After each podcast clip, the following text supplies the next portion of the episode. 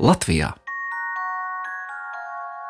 Mēs esam uh, Latvijas Biozinātņu un tehnoloģijas universitāte, kas atrodas Jēlgavas pilī. Tā ir lielākā pilsēta Baltijas valstīs, un ar to mēs arī lepojamies. Un pilsēta pati kā arhitektūras piemineklis jau ir iespaidīga ar savu fasādi, ar čūnu rotājumiem. Un pilī atrodas arī Kurzemes un Zemgājas hercoga kapenes. 1737. gadā par jauno Kurzemes un Zemgājas valdnieku kļūst Ernsts Johans Bīrons. Tajā pašā gadā hercogs Bīrons dod pavēli uzspridzināt Mītavas veco pili, kas ir celta 14. gadsimtā, un tās vietā sāk būvēt jauno valdnieka rezidenci. Ēka ar pārtraukumiem tika celta 34 gadus. Šī Baltijas valstīs lielākā baroka pilsēta tika pamatīgi izpostīta 1919. gadā, brīvības cīņu laikā atkāpjoties Bermuda karaspēkam, un Otrajā pasaules karā 1944. gadā, kad padomju karaspēks sagrauja 90% pilsētas apbūves, un taiskaitā nodedzina arī pili. Līdz ar to šeit var aplūkot tik vairāk kārt atjaunoto pils fasādi, bet lietas no senseniem laikiem, kad hercogs te valdīja, tādas te ir grūti ieraudzīt. Tāpat reti ir priekšmeti no bijušās lauksaimniecības akadēmijas, kas te darbojās īsu brīdi pirmās Latvijas brīvvalsts laikā. Bet tomēr ir daži atradumi, kas ir izdzīvojuši cauri laikam un var pastāstīt gan par pils, gan mācību iestādes vēsturi vietu lietas. Muzeja krājumu veido dāvinājumi un atradumi arheoloģisko izrakumu un remontu darbu laikā.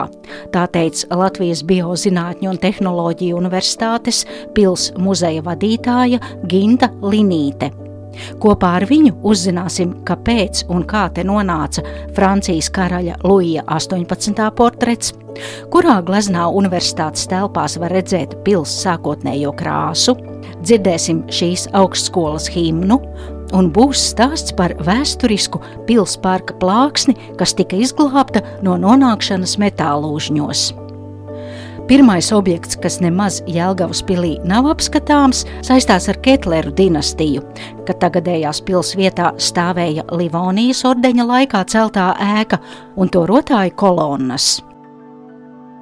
1997. gadā, rokot trūkas Lielpas pusē, uzrakās telpai, kas bija pilna visa ar ūdeni.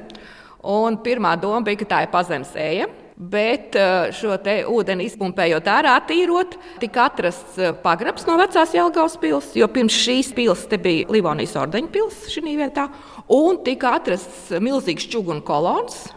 Un eh, delfīni, kas ir rotājuši veco Jālgavas pili. Tas ir to pili, kur dzīvoja Hercogs Jēkabs. Un mūsu liels uh, draugs, pils un konsultants Imants Lansmans ir viņu datējis kā 17. gadsimta 90. gadi tāds atradums, es nezinu, nekur Latvijā līdzvērtīgu. Un, uh, viņš tika restaurēts, šis kolons un delfīni, un mēs esam viņu deponējuši Bauskas pilsētas muzejam, jo tur šī vecās pilsētas tēma ir ļoti labi atspoguļota. Un, tā kā, ja jūs tās kolonas gribat redzēt, tad brauciet uz Bauskas pili, tur viņas ļoti skaisti ir izstādītas. Tā kā tas ir pilnīgi tāda unikāla un, un vienreizēja lieta, kas ir gan jau bijusi vairākās vietās, bet saglabājusies tikai pie mums. Un arī tikai tāpēc, ka 1737. gadā hercogs Ernsts Johans Bīrons lika veco pilu uzspridzināt, un acīm redzot, kad spridzināja, tad daļa gan telpu, gan arī šo vecās pilsētas rotājumu ir saglabājusies. Tā ir pilnīgi nejaušība. Mītiskie dzīvnieki ar delfīnu galvām, bet varen garu un zvīņainu asti ir rotājuši čugunu kolonas. Un kā rakstīts 1998. gada oktobra numurā laikrakstā Latvijas vēstnesis, tad, kā teicis toreizējais Rundāls pils muzeja direktors Imants Lansmanis, par šiem izrakumiem ir jāsaka, mēs esam liecinieki unikāliem atradumiem, kas saistās ar 17. gadsimtu ne tikai Latvijā, bet Eiropas mērogā. Citāta beigas. No citu augstdzimušu cilvēku vēstures te muzejā ir aplūkojams Francijas karaļa Luija 18. portrets. Jautāsit, kāds sakars Francijas karalim ar Jēlgavu? Tad, kad šis kungs vēl nebija kronēts, Francijas revolūcijas laikā viņš devās trimdā, un toreizējais Krievijas imperators uzaicināja Luiju apmesties Jēlgavas pilī. Burbonu dinastijas pārstāvis te ir ieradies ar visu svītu 250 cilvēku sastāvā, un Jēlgavas pils kļuva par plašāko rezidenci visā Luija 18. trimdas laikā. Francijas karalis divreiz ir dzīvojis Jēlgavas pilī no 1798. līdz 1801. gadam, kad Krievijas imperators Pāvils I piešķīra Jēlgavas pili viņam dzīvošanai, un no 1805. līdz 1807. gadam. Šis fakts mums bija zināms, bet no tiem laikiem atkal nekas nav saglabājies, jo Jēlgava, gan Jēlgavas pils ir, ir ļoti cietusi gan um, Bermuda laikā, gan arī Otrajā pasaules karā. Un uh, mums ir tāda tradīcija, ka pilsvārtos mums ir plāksnītes, kur ir tie pilī svarīgākie datumi. Iekalti, jā, lai turisti garām ejot, varētu viņus redzēt. Un tur bija arī par Francijas karali, kas ir um, dzīvojis Jālgājas pilī. Un to redzēja franču turisti. Tā, tā ziņa bija aizgājusi līdz Francijai. Un Francijā ir tāds uh, Burbonu karaliskās dinastijas institūts. Viņi ar mums sazinājās, viņi atbrauca, apskatījās, kad universitāte par pili rūpējās. Mums bija tikšanās, un viņi nolēma uzdāvināt mums karaļa portretu, kas bija izlikts izsolē Parīzē. Viņi par savu naudu iegādājās un to uzdāvināja universitātei. Tagad šis portrets ir mūsu pilsētas muzejā pie sienas. Un es teiktu, ka, protams, tā ir lielīšanās, bet es nezinu vēl kādu karaļa portretu, kas būtu oriģināls, kas būtu apskatāms Latvijas teritorijā. Ir gravīrs, bet eh, nerunāsim par Francijas karali, bet vispār par jebkādu karali, ja, kas ir bijis eh, Latvijas teritorijā un vēl jau vairāk dzīvojis mūsu pilī, kurš būtu apskatāms, jo mums ir oriģināls. Un tagad Jā. jāiet skatīties uz vaidieko apaļš vīrietis, ja tā drīkst izteikties, bet tas ir tas, ko es pirmais pienāku un skatos uz šo portretu. Es skatos uz pusmūža kungu, sirmiem matiem, brūnām acīm, var teikt, skaistu vīrišķu degunu, pilnīgām lūpām, bet nu, ļoti, ļoti apaļiem vaigiem un dubultzodu. Jo tas jau tad, jau viņš ir karalis. Ja? Kad viņš šeit dzīvo Jēlgavā, viņš jau vēl nav karalis, viņš tikai vēlāk kļūst par karali. Pēc tiem aprakstiem tas varētu būt šis portrets, tas, ko karalis dāvina. Dāvina sabiedriskiem ciemos, braucot, viesojoties. Un ir tā, ka mēs diemžēl nezinām arī, kad uh, mums arī institūta pārstāvis stāstīja, kad ir izsole, viņi nesaka, nu nav jāsaka, no kuras mājas tas nācis. Tā kā mēs nezinām, kurai dzimtai vai kurai ģimenei šī glezna ir dāvināta, bet uh, viņi bija izsolē un institūts priekš mums to nopirka. Un 2020. gadā biju Parīzē un mūsu vēstniecībā, Latvijas vēstniecībā šī glezna tika mums uzdāvināta. Jāteic, ka otrā uzturēšanās reize pēc klejojumiem trimdā bija krietni pieticīgāka. 1805. gadā Luīs 18. Jelgavas pilī uzturas nepilnu gadu, un šoreiz kalpotāju pulks ir sarucis līdz nepilnam simtam cilvēku. Pēc Napoleona sakāves viņš ieguva troni un valdīja Francijā līdz savai nāvei 1824. gadā.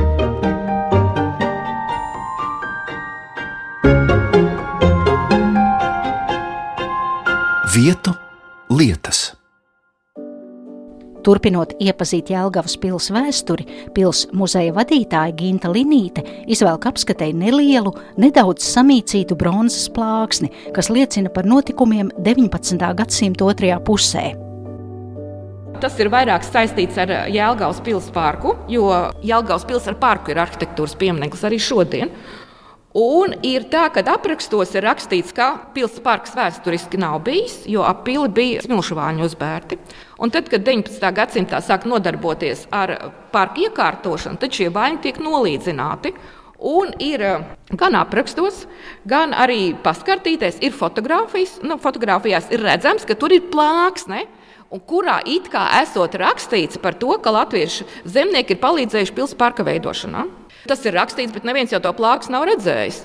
Nu, lūk, ir tā, ka mēs katru septembri mūsu augstskolas pirmā kursa studenti tiek vēsti pa pīlī ekskursijā un arī iepazīstināt gan ar augstskolas, gan ar pilsētu vēsturi.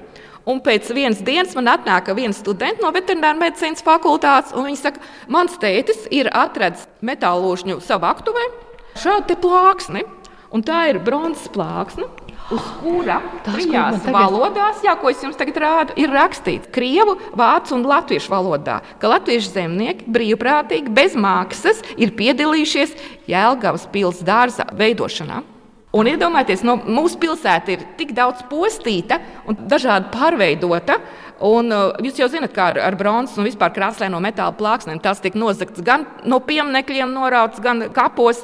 Un meitene atnesa šo plāksni un, un uzdāvināja muzejam. Tā kā arī tādi mazi brīnumiņi notiekās mūsdienās. Ja? Kaut gan jau ir, ir pagājis eh, vairāk nekā simts gadi, kā pilsparks ir veidots. Tā nu šī plāksne ir laika zoba cietusi.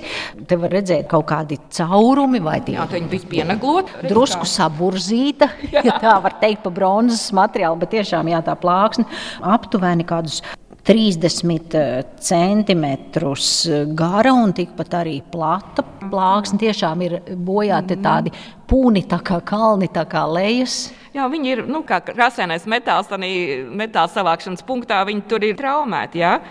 Tā, tas ir 1858. līdz 1889. Jā. gadam. Jā.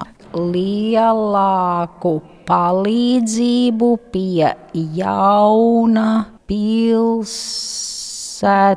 uz dārza uztaisīšanas. Tā es te tajā deformētajā plāksnē to es varēju sabokt. Baidām, jā, baidām bez viņu kaut ko vairāk, jo, lai nezaudētu to tekstu, jā, jo tas teksts ir ļoti, ļoti vērtīgs. Jā, jūs man rādāt senu fotografiju, kur arī tā plāksnīte, bet kā vai tā meitene stāstīja, kur viņas teica, nu kāds ir nonācis viņas ģimenē? Viņas teica strādā, tur krāsainie metāli tiek savākti, savākšanas punktā. Un viņš ir ieraudzījis, un meita viņai mājās stāsta, ka bija Jālgaus pilī un tur dārsts un parks, jo mēs jau to vēsturi stāstām. Un viņš saka, es kaut ko līdzīgu redzēju, un viņš aiziet un atrod. Tad, tad kādam mājā šī plāksne ir mētājusies simts gadus, un viņš tagad ir nolēmis viņu nodot metāla nodošanas punktā.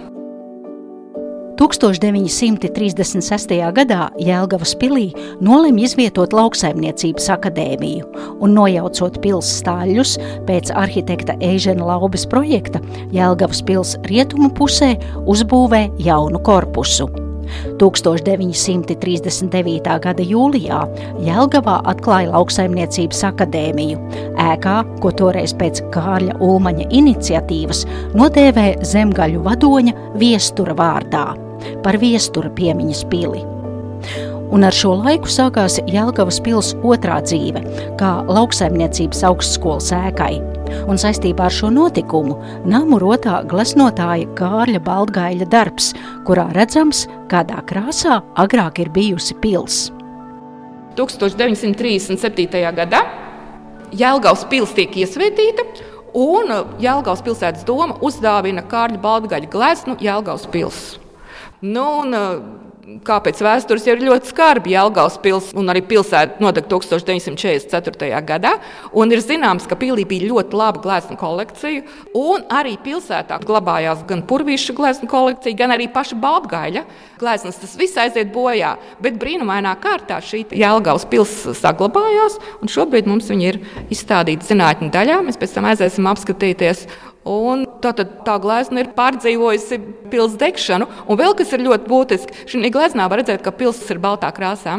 Tagad, ko jūs redzat, jā, tas ir nokrāsots 1961. gadā, kad uh, pili nokrāso un izvēlās šo sarkano un balto krāsu, lai nebūtu līdzīga Rundāls pilī, kas ir dzeltena, un lai nebūtu līdzīga Carskais salo vai Ziemas pilī. Bet uh, tajā baltgaļa gleznā mēs redzam, ka pilnīgi skaidrs, ka pils ir bijis baltā krāsā. Jā. Tad mēs to iesim apskatīt. Nu jā, nu te es saprotu, visas mēs varam skatīties interjeras. Nē, bet nu, visas šīs uh, formas ir saglabātas. Jā, nu. jā. Mums divus gadus atpakaļ beidzās lielais remonts, un Jālgaus pilī tika mainīti logi.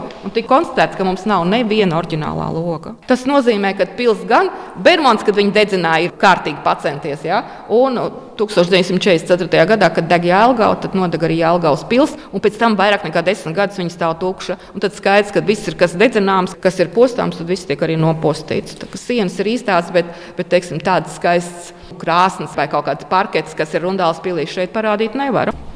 Pils tiek atjaunota, šeit atradās lauksaimniecības kamera un tiek gatavota jauna augstskola. Jo Kārlis Ulmans uzskatīja, ka mm, ir jābūt atsevišķai augstskolai, lai varētu studenti mācīties lauksaimniecības un, un mežsaimniecības fakultātē. Un tā augstskola nedrīkst atrasties pašā galvaspilsētā. Ir jābūt arī kaut kur provincē. Un tad, par cik Jēlgavas pilsēta ir atjaunota, viņi arī diezgan daudz izmantoja Kārlis Ulmans savas prezentācijas. Bet, diemžēl tas laimes brīdis ir ļoti īss, jo 44. gadā tas viss nodeg. Un tad desmit gadus stāv tāds baiss spoks. Un tad, mm, paldies Dievam, atkal atcerās par to, ka ir vajadzīga lauksaimniecības augstskola un pilsēta tiek atjaunota. Bet no tāda doma, ka tā ir mācība iestāde, tas nav muzejs. Līdz ar to, kā mēs redzējām, visas telpas tiek pārprojektētas. Ārpus ir oriģināls, bet iekšpus, protams, viss ir pārbūvēta. Nav mums ne, ne vecas krāsas, ne vecas kamīnas. Es jums vairs nevaru parādīt, diemžēl. Tagad iesim Hercoga apartamentos, šī ir sudraba zāle. Un šeit uh, Hercogs spēlē biljardu. Nākamajā telpā bija viņa darba kabinets, un tur, kur mēs iesim, tur tagad ir zinātnē daļa, bet Hercoga laikā tur bija guļamistaba. Ja teiksim, rundās pilī tā guļamistaba ir saglabājusies, tad mums tagad tur ir uh, videokonferenču zāle. Šī ir tā glezna, kas tika uzdāvināta Jālgājas pilsētas iesvētīšanā 37. gadā, un te jūs redzat pili baltu. Jā, pats mākslinieks ir parakstījies. Un tas ir gleznots Lielupas puse. Jā, puse vasaras diena. Atpūtnieki Lielupas krastos mēs redzam, viens pārīts, makšķernieki. Tādas ar vairs nav. Nu jā, bet es varētu kopēt savus kolēģus no klasikas, kuri ir parasti īsi 5 minūšu raidījumi ar nosaukumu Vai tu zināji? Un tad var teikt, vai tu zināji, ka Jēlgavas pils agrāk ir bijusi baltā krāsā, bet mēs jau, protams, nezinām, cik reizes tā ir bijusi pārkrāsota Ketlera laikā. Nē, nē, nē. Ketler, Ketler jau dzīvoja vecajā pilī. Jā. Šeit ir Bīrona laiks. Bīrona, jā, un, un es domāju, ka ne cik reizes nebija pārkrāsota, tāpēc, ka tas ir ļoti dārgs prieks. Tāpēc nenormāli daudz krāsas, un es zinu, kad ir pārbūvēts jumts dažādos laika posmos, jo arhitekts to jumtu ir taisījis, nu, kā itāļu arhitekts, viņam ļoti lēzens. Un mūsu klimatā, kad sniegs tad krīt, tad, tad kūst ļoti ūdens slikti nāk lejā, un viņš ir ļoti lēzens, un tad bija mēģinājums uzbūvēt 19. gadsimtā mansardu tipa jumtu, lai tas sniegs un ūdens labāk noplūstu, bet tas tā to pils fasādi izbojāja, kad uh, novāca nost. Un arī tagad, kad pilī tika lielie remonta darbi veikti, atkal bija tas jautājums arhitektiem, kā darīt, vai saglabāt šo sarkanu-baltu sarkano krāsu, vai nu arī atgriezties pie baltās. Bija daļa arhitektu, kas teica, ka vajag atgriezties pie oriģināla, jo Rastrēlī nekad sarkanu krāsu savā darbībā nav izmantojis arhitekts, bet eh, tā kā mēs neviens baltu neesam redzējuši, tad palika pie šī ķieģeļa sarkanā, ja? ķieģeļa sarkans tas ir. Kā jau Ginta Linīta minēja, ugunsgrēka laikā 1944. gadā ir sadegušas un pazudušas daudzu citu Latvijas mākslinieku gleznas, kas ir atradušās pilī. Tikai šī brīnumainā kārtā ir izdzīvojusi, un pili pametusi uz laiku, kad pēc kara lauksaimniecības akadēmija tiek pārcelt uz Rīgu. Līdz 1957. gadā sākas pilsētas jaunošanas darbi, un glezna atkal atgriežas savā sākotnējā vietā. Skatot tālāk muzeja priekšmetus, pievēršamies tiem, kas ir saistīti ar augstskolas laiku. Vienkārši pašdarināts spieķis, ko kāds ir lietojis ilgi un regulāri. Tas ir stāsts par Pauli Lejiņu. 1863. gadā Rīgas Politehnikumā tika norganizēta lauksaimniecības nodaļa, un ar to arī sākās augstākās lauksaimniecības izglītības vēsture un arī profesors Līņš ir uh, viens no Zinātņu akadēmijas dibinātājiem un lauksaimniecības fakultātes profesors. Spieķis tāds raupšs ir, var redzēt, tādas e, posmiņi iegrēbti šajā spieķi. Kokamatnieka darbs. Saplaisājis vietām ir, bet var redzēt, ka ļoti, ļoti ilgi viņš to spieķi ir lietojis. Jā, tur ir tas ticamības moments, vai ne? Mm. Paulis Līņš bija Latvijas Zinātņu akadēmijas pirmais prezidents, viens no lauksaimniecības fakultātes organizētājiem un savulaik ir veicis pamatīgus pētījumus par Latvijas ganāmpulku selekciju. 1983. gada žurnālā Karoks par viņu ir rakstīts šādi. Lejiņš kļuva par latviešu lauksaimnieku ekonomiskās sabiedrības ārpusskolas izglītības nodaļas vadītāju. Kā lektors, kursu vadītājs un lauksaimniecības izstāžu organizētājs, viņš apbraukāja visus Latvijas novadus, popularizēdams jaunākās lauksaimniecības zinātnes un prakses atziņas. Klausītājiem Leņķa lekcijas un priekšlasījumi patika. Viņš prata runāt vienkāršā, visiem saprotamā valodā, un ikvienā jautājumā centās teoriju saistīt ar spilgtām praktiskā darba ilustrācijām. Īsā laikā Leņķis kļuva par vienu no redzamākajiem, klausītāju iecienītākajiem lektoriem Latvijas laukos.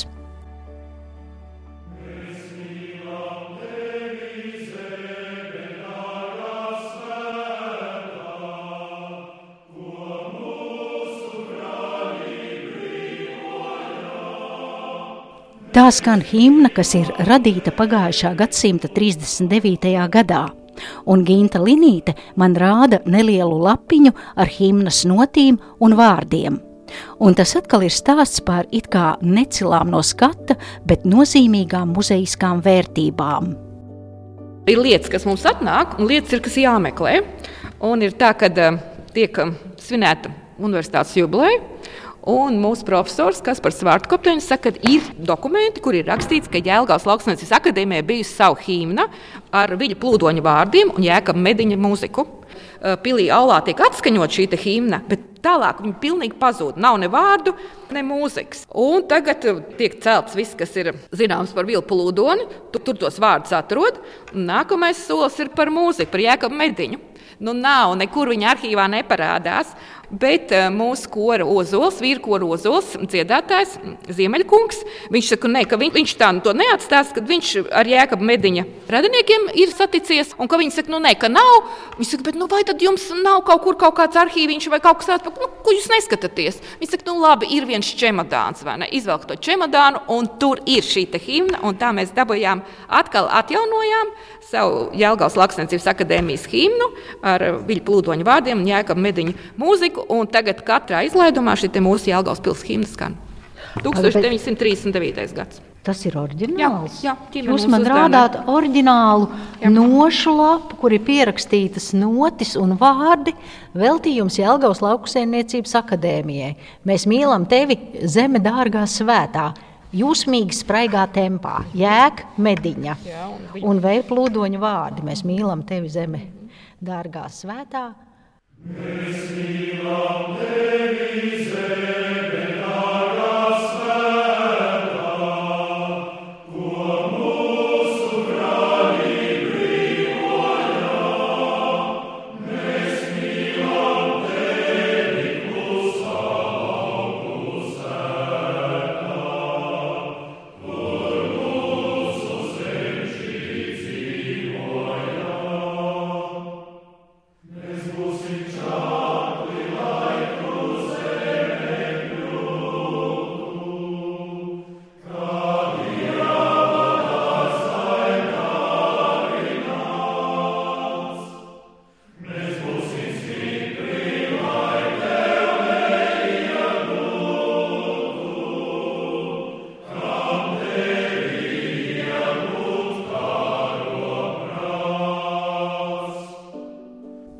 Raidījumā dzirdējāt stāstu par Jēlgavas pilī rodamajām vērtībām.